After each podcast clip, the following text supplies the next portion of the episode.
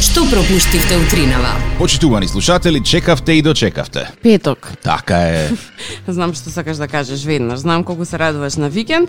Е, за жал, овој викенд нема да биде е, погоден за тебе и за повеќето, заради тоа што се очекуваат дождови.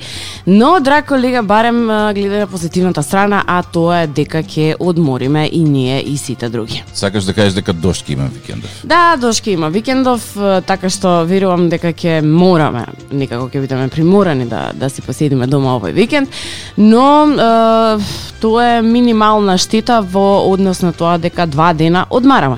Полниме батерии за од понеделник со нели нови сили во нови победи. Даде пак да одиме на работа, едно друго се тоа што треба да се прави. Ете тоа фино се понеделник. вика со нови сили во нови победи, да? Се разбираме. Да, секогаш сме се разбирале. Времето од прва рака утринава. Е, студено, така би го опишала сама. Малку некое срамежливо сонце, некаде на некој ќошче се појавува, па се срами, па се повлекува. Знам дека денес температурата до некои 15-16 степени во Скопје и малку повеќе е, низ Македонија и сигурна сум дека е, ќе сакате топло да се облечете утринава доколку сега некаде веќе тргнувате кон своите работни места. Леле, таа мистеријата Зорке пак Која нерешена. Па ете тоа кога всушност ќе стане. Е, Топло? па да, еднаш за секогаш.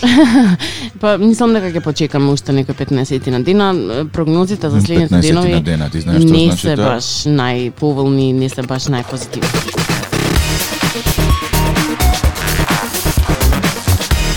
Зорке, кој ден е денеска? Петок, Е, е петок, ден пред викенд.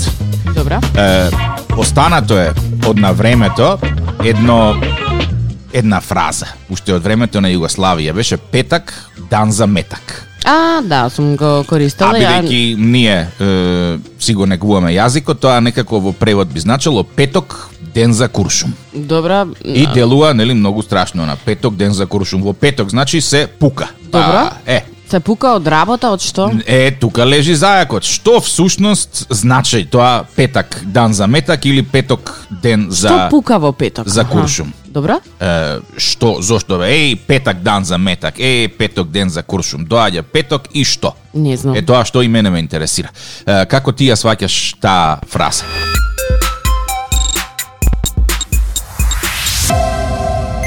Петак, е, дан за метак, што год и да значи, мислам дека е некоја фраза Зорке која што е останата од комитско време, кога во петоците комитите ги трошеле куршумите кои што ги заработувале во текот на, на неделата, па така останала фразата петак, дан за метак. Е, наша слушател Зоран вели дека не си во право и вели ме чуди тик-так да не знае што е петак дан за метак. Види, тик-так може и знае, може и не знае, не знам. Мудро си молчи.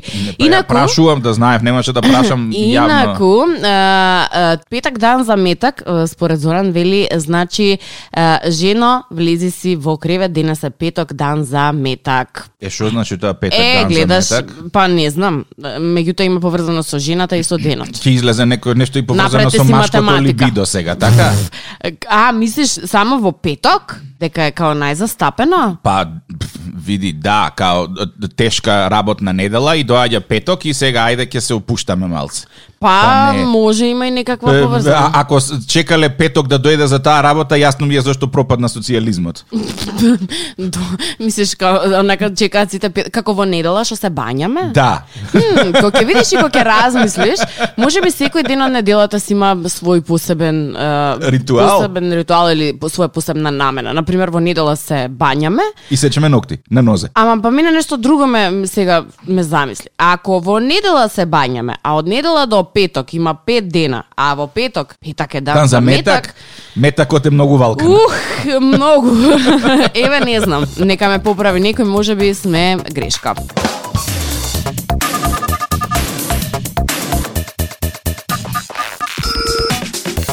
и 7.57 на Радио 2, Тик-так и Зорка, додека сите го поврзуваат петак, дан за метак со некој активности кои што следат после долга работна недела и со машкото либидо, е, Ивана ја донесе Зорке вистината. Ајде, слушам. Значи, петак, дан за метак, потекнува од е, Дивиот Запад, од крајот на 19-тиот е, век. Добра. Каубојците, нели, сите носеле пиштоли, имале дозвола за пукање, се пука, кај се стигне, мртви луѓе на секаде, хаос владее. И за да се регулира тој хаос, донесен е декрет кој што вели дека ако се замериш со некого, се ставаш на список и е, дуелот, односно двобојот е во петок, секогаш. Аха. И така е скована фразата петак е, дан за метак. И кога двајца ќе се степаат во кафана, доаѓа собственикот келнерот обезбедување кој дае вика дечки полека, остајте го тоа за у петок. И владе ред и, и поредок. Си ги запишуваат имињата, доаѓа 5 саат точно на пладне лупам и бум-бум двобој. Интересно. Можно е, можно е право Е, да ти кажам. ова е потоа земено и видо изменето на наш балкански начин да ни го пумпа либидото па едно, друго, трето Ти и си уште дојде ни веруваш сме дека до е на... со, со либидото. Е, на Балкан кај нас петак дан за метак е за либидото, за машкоста. еве според тебе, ако петак е ден за метак според машкоста, а недела ден за бањење според сите општо Да, имаме прифатено, проблем. зашто е ден сабота, општо прифатено народно? На пазар да се оди и не знам. Не е пазарен ден, Како пазарен не? ден е среда, ако не се лажам. А зависи кај живееш, ако си у Крушево е вторник, ако си прилепе петок, тоа варира. Добро, еден ден од неделата нека биде пазарен ден. Што се другите денови? Не знам Зорке, разбудуваш дилема која што ме ме копка. И која што бара многу ако петак размислување. е дан за метак, а недела е ден за бањање, што се случува со другите денови? Која е тука нивната улога во Еве за два дена ви дававме помош и повеќе од помош. Обично во загадките по еден е, фактор само е открен. Ние два фактори од- е, одлучуваме и остануваат уште пет дена расположливи за било што. Еден ден секако оди пазарен ден, само зависи кога Па види, како. имаш ден за чистење, пазарен ден, едно друго Ден за трето. чистење може да е сабота. Ајде и сабота ќе го тргнеме, вторник ќе го ставиме пазарен ден, понеделник, среда, четврток остануваат. Ајде, мисли му ја утринава.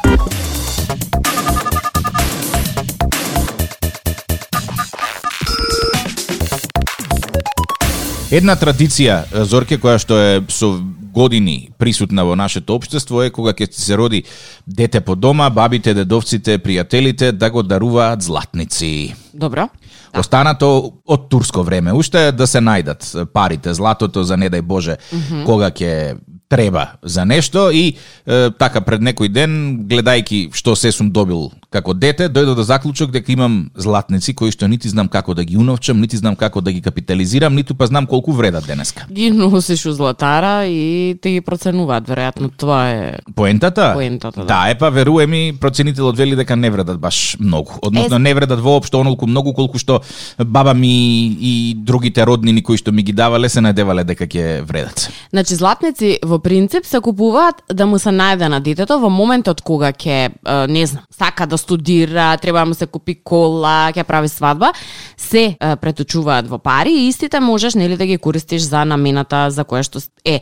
Еден вид на чек или ваучер, јас би го нарекла поново, Добра. како би му обезбедиле барем дел од сумата за некој одреден период од животот. Нешто слично како кога купуваш бурма. Знаеш ли која е всушност поентата зашто бурма се купува? Не. Нели, освен да означи почеток на бракот и така натаму и така натаму, или да визуелно видиш дека припадност, некој да. да, дека некој веќе не е на маркетот, односно е надвор од маркетот, што и не е баш таков показател.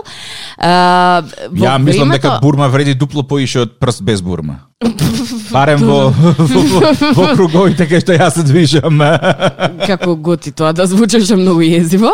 А, значи, бурма исто така се купувала во голема вредност, доколку не дај Боже, нешто се случи, треба да излезеш само по она што си во моментот, да имаш барем мало злато на раката за да можеш нели да се снајдеш во одредена ситуација. Е, види, е, со оглед на тоа што целиот начин на живот се менува и е, златниците тешко се кешираат, може да се изгубат, бурми веќе не се носат едно друго трето. Вчера еден мој пријател ми даде брилијантна идеја. Добра. Вели, е, ми се роди внук и наместо да му купам некое златно ланче или златник, сакам да му купам криптовалути. И види, Е. Зорке, колку е тоа добра идеја. Да. Па, па, да, во право си. А дали ќе има и бурми во криптовали? Не, бе, ти ако имаш криптовалути кои што за 20 години од денеска ќе пораснат, пуф, ти си на кој? Не се разбирам во тие работи, никогаш не ми било јасно. Види, исто како што имаш дена, како што даваш златник на времето, нели? Аха, Златниче, ти му всушности, купуваш, да кажеме, И валутава да паѓа на бирзата и се качува исто како што и златото всушност. биткоинот направи парче. Тие што ги купија биткоините која беа по 1 долар, сега имаат с- станови во Катар и во Дубај со 2-3 продадени биткоини.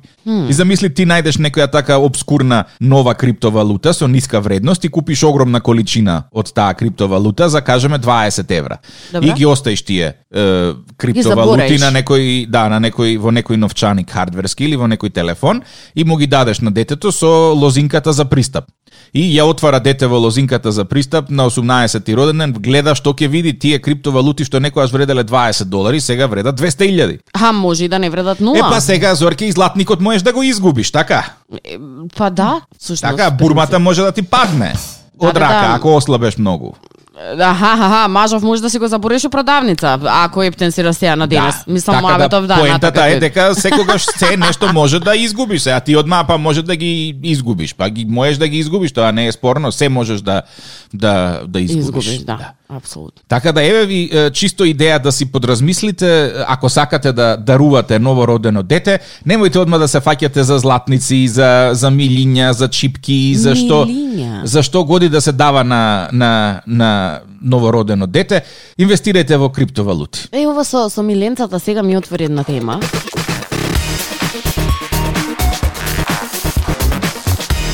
Ке те вратам малку назад на темата која што ја почнавме. Добро. а и ти ја ветив, ти ја заветив за 8 и 20, односно по 8 и 20, се однесува за тоа кои работи а, некако сигнализираат дека се наоѓаш во балканска, тоест во македонска куќа. Ау, милиенце, чипка. Милиенце, да, па ти сам го донесе тоа до овде и сега моја работа е некако да го продолжам затоа што отвори една пандорина кутија која што додека не се искаже се не, не може да се затвори. А листата е долга. Долга, долга, долга, а секако помош ќе ми треба од вас на првото ништо на кое што ќе се сетите, што е она што и припаѓа баш на Балканска куќа.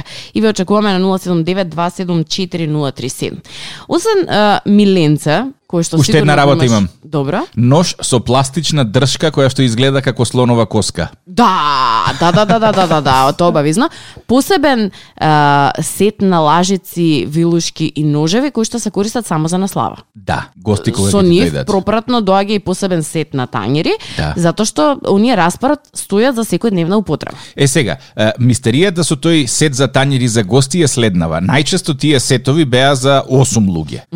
А еве како лице кое што има слава, дали некогаш ти се случило да имаш само 8 души дома на слава? Никогаш, И што никогаш. правиме пак од распарни тањери јадат сите? А, па или така или купуваш нови два исти сета и или три веќе во случајот затоа што имаш и поголема слава и сите јадат од едни исти тањери. Значи, фрлени Меѓутоа, пари да купиш 24 тањери за да еднаш у годината, ма и, и 25 луѓе ако ти дојдат што правиме една година, ајде де, тркни купи уште еден не пак ќе јадеш од распар, еден ќе јаде од Па распар. еден ќе јаде од распар фрлени пари, значи. да си ми здрав и жив.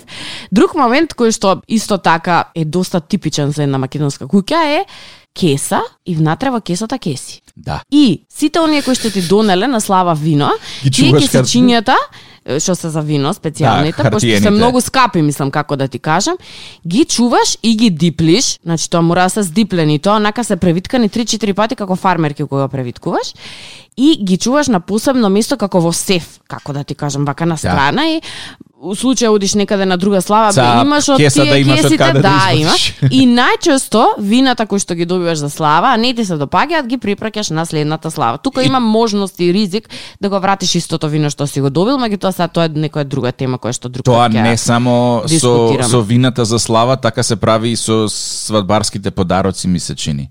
Имаше така Нема веќе легенда, такви. нема так? Не. Има, имаше легенда во, во мое друштво дека на истата свадба проциркулирал истиот сет за, за јадење кај, кај, кај три лица и на крај завршил кај оно иницијалниот дарител. Мајко драга. Значи, Е, знаеш, си го- си направиле круг од тебе, мене, Да, мене, да, да, тебе да, и на да. крај назад кај тебе. Па му го вратиле што си купи, тоа си доби. Како се чуваат лекови во македонска куќа? Во една голема кутија. Каква кутија? Пластична од сладолет најчесто. Не од сладолет, тоа само ти од сладолет можеш да да користиш. Од кундури. А, не, извини, тука не се согласувам. Најчесто од кондури, Не, не, не, не, некои не. помалечки кондури, детски кондури, отвори, Не. останато кутивчето внатре, напикани, напикани апче, ја не знам како се сногјата, гледате ли датум? Не, баба ми, баба ми чуваше се во, во стари кутии од чевли, а јас лековите ги чувам стрикно во е, пластична кутија прозирна, ке ти кажам и зошто.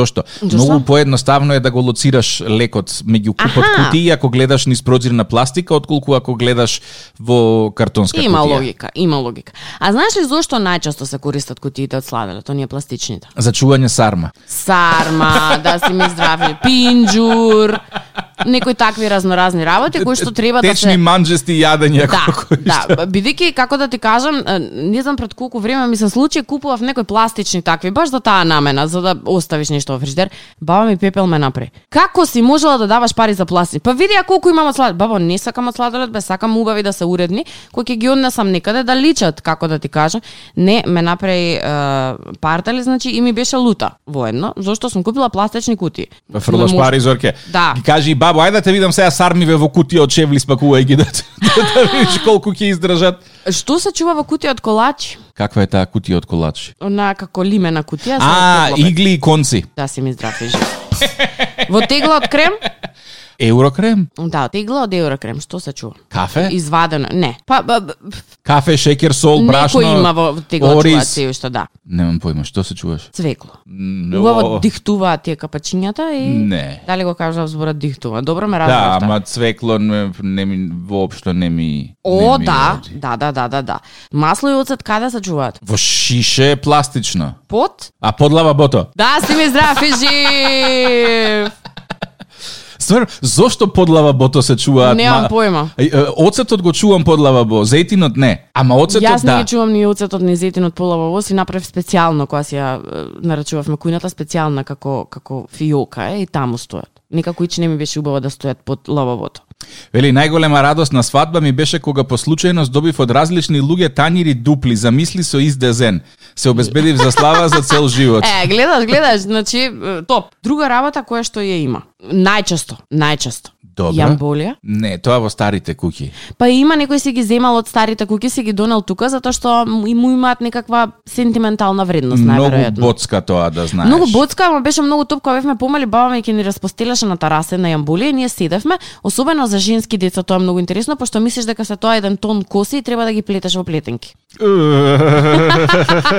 И тоа најчесто по можност да е бела или црвена. Имаше и портокалови во Крушево. Не Памтам се како сеќавам дете. на Да, портокалова, да, да, ама да, на да. црвена и на бела се сеќавам. Црвена имам гледана на народни приказни, а бела имавме ние дома. И има уште една е, работа. Добра? А, гезвето за кафе, ама она од бакар, старинското. Аха, не, нема уште, нема уште две работи. Пред врата секогаш имаш еден пар стари патики изгазани на петицата. Не, Не. Не. Во е, не. голем процент од македонските Никогаш, кокина. 49-50 години на овој свет, не. Јас имам, до ден денес имав едни во старата дома да речам и едни кај баба ми имам. Зошто ти е тоа, онака да? Тие се, ако треба да излезеш до улица или до врата, а влечки не ти се наоѓаат во тука некаде, или со влечки ти е ладно, па не ти соодействуваат со временските Па тоа услови ти е како надвор. прва помош, така? Облекуваш патики, ма не си облекол патики. Како те овие се без врвки и се згазени на петата. Брилијантно. си, Да. Зорке.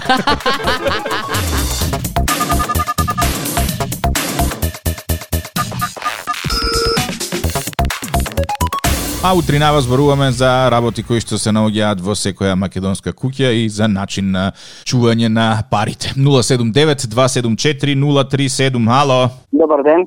Добар ден. Да. А, ме подсетивте на две работи што ги зборите за затниците, за бебињите, за новороденчињата. Добро. Тоа исто ми се случи на, на исто на моја глава.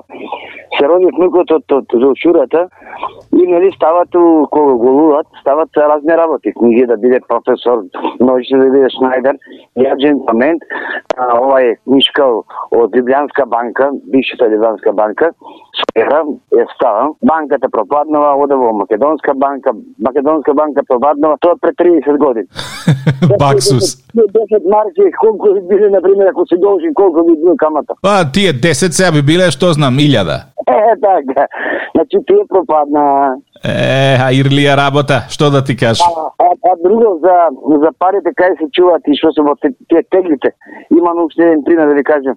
Добра. Е, мој друга ставил, ставил е, еврота, не знам каде ги стави, ги ставил у кеса од буре што ги, што ги јадел. Мрсна. И после, после некој ден му, по- му, му требали нешто да извади, да купи, провиш, има што да види. Патот направил се, си пазарел од еврота. И пола му ги сменија, пола му ги, му ги уништи- уништија, значи, не му даде. Знаеш дека мене ми се мова случајно со пари и со куќа, ама не со евра, со денари. А што ти се случила? Пепер ми изеде околу 15.000 денари.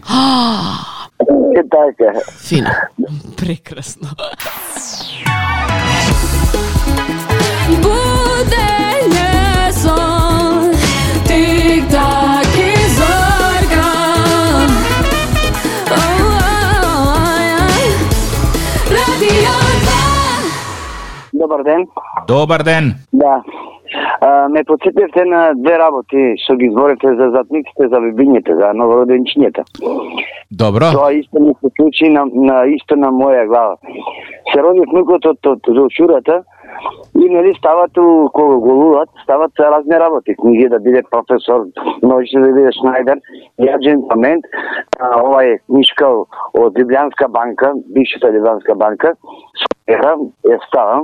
Банката пропаднала, оде во Македонска банка, Македонска банка пропаднала, тоа пред 30 години.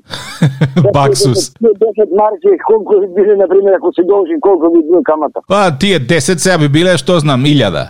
Е, така. Значи, ти е пропадна. Е, а Ирлија работа, што да ти кажам? А, а, а друго за, за парите кај се чуваат и што се во те- тие теглите. Имам уште еден пример да ви кажам. Добра. Е, мој друга ставил, ставил е, еврота, не знам каде ги стави, ги ставил у кеса од буре што ги, што ги јадел. Мрсна. И после, после некој ден му, по- му, му требали нешто да извади, да купи, провиш, има што да види. Патот направил се, си пазарел од еврота. И пола му ги сменија, пола му ги, му ги уништи- уништија, значи не му даде. Знаеш дека мене ми се мова случајно со пари и со куќа, ама не со евра, со денари. А што ти се случила? Пепер ми изеде околу 15.000 денари. Ја, Е така. Страшно беше Да. тоа, Зорки, страшно беше. Ало, добро утро! Не ти, кај си ти? Ало, ало, ало, ало. Ало, добро утро. Добро утро. Е, еден коментар во врска со сетовите за слави. Повели. Е, беше интересна темата, ама ме загадна, мислам дека порано, кога се м, одржуваа славите, а, имаше еден непишан кодекс на однесување, а тоа е, бидејќи во тоа време се одеше по слави, требаше во еден ден да се одат на неколку места на слави. Така. И тогаш а, се знаеше кога се оди на слава, има процедура, се добива а, а, пшеница, благо, така, па се иде една тура ќе се послужи а, с колачи и на крајот Да. нешто ќе се напие човек и ќе си оди. Е сега, имаше тука една работа, се знаеше дека а, жените обично беа тие, знаева, ама тоа е договор, а, да знаева под маса она да го Шутне? со, со, со нога да го нагази, знак дека треба да станат и да си одат. Исто беше тоа знак како треба да престане да пие или да Е, јаде. така, така, да. И знам, навистина тоа било така. А, и сега што се случува? Се случува да а, дојдат, нели, ќе се наполни собата и кога доаѓаат други гости, зна се знае дека вие треба да станат. Да, системна Затоа што- ротација. затоа Тој што прв дошол, прв си оди. Така, не си имало ред, се знаело дека ја треба денеска да дам на три или на четири слави. И тогаш не се седнувало по два сата на слава. Се одело визита да се направи, да се честита славата. И, и толку е. А денес кај нас, кој ќе се одне некаде на слава, знае да ти се заседне човек и по три сата, и по четири сата. Е, Добро утро. Со вас се Тик-так и Зорка. Radio 2 е, роден ден еден имаме, девојката се вика Сандра. Сандра работи како бизнес девелопмент и маркетинг менеджер во е, некоја е, италијанска компанија со представништво во е, Скопје. А у ова Зорке ти е рај за за неработници. Ова работава од дома. Па, Илина. Ало, ало, добро утро. добро утро. Како си? Добра. Добра, е, работите, почнавте ли? А, Кој е на телефон? Како кој е на телефон? Па Звонко е на телефон. Шефот твој нов од Србија. Не е Звонко. Е, како Ме не е викат Звонко? Па имаше промена синоќе, Александра. Звонко е сега. И не се викам Александра, се викам Сандра. А, извини, молим те, овдека у, у документ за работни односи пишува Александра. И Јас сум, е, драга госпожо, професионален, тоа е нешто на кое што мора да работиме у будучност. Аха, добро, добро. Да. Добро. Значи, каков е твој работен план денеска? Наскоро по мејл ќе ви стаса еден Excel документ која моја асистентка Зорица ќе ви го прати промптно. Значи, внатре сакам све да забележите со кого сте контактирале, што сте понудиле и какви биле фидбеците што сте ги добиле. Во ред, во ред. Дали Добро, може така? ама- Да, да. А торта роден денска дали ќе спремите? Обавезно, ако дојдете, маке кичево. ќе дојдеме, зошто да не. Од каде, од каде? Од Кичево. О, Далеко е од Кичево! Белграда до О, Моје Да. Кичево најубаво. Од кај твое Кичево? Па таму бев студирав толку многу време. Ехе, тоа кривините сите ги знам. Е, Александра, Сандра, среќен роден ден. Од Светко ти ја честиткава инаку. Фала многу, фала. А ние фала, сме Тик Так и Зорка од Радио 2. Фала ви многу. Како ќе се слави? Па, карантински, веќе втора година поред. А, полека, полека. И, Па види, бе, и не е така лошо. Торта малечка, гости, Да, па така. кој сака да прати поклон ќе прати. Види, убаво е, не е толку лошо. Лажам, Така е, така е. лажам. Едва ја чекам да се тргне карантинов да направам журка ја за роден ден. знаеш како велат, за да стане подобро, мора да стане уште полошо. Ја Така е. утопа. да- роден ден. Па сега види. Не го слушај. Многу. Јас сум познат по тоа што сум реален, тоа е тоа. Имај прекрасен ден, Сандра, и се слушаме наредна прилика. Фала ви многу. Во секое време. Чао, чао. 9 и 10. Што ме погледна, имаш нешто на ум. Не, немам на ума, ама факт е тоа дека за да работите станат подобри, прво мора да станат полоши. На тема ум, што на ум, тоа на друм, како и да беше. На Радио 2, секој работен ден од 7.30. Будење со Тик-так и Зорка. Во случај на неконтролирано смеење и симптоми на позитивно расположение, консултирайте се со вашиот лекар или фармацевт.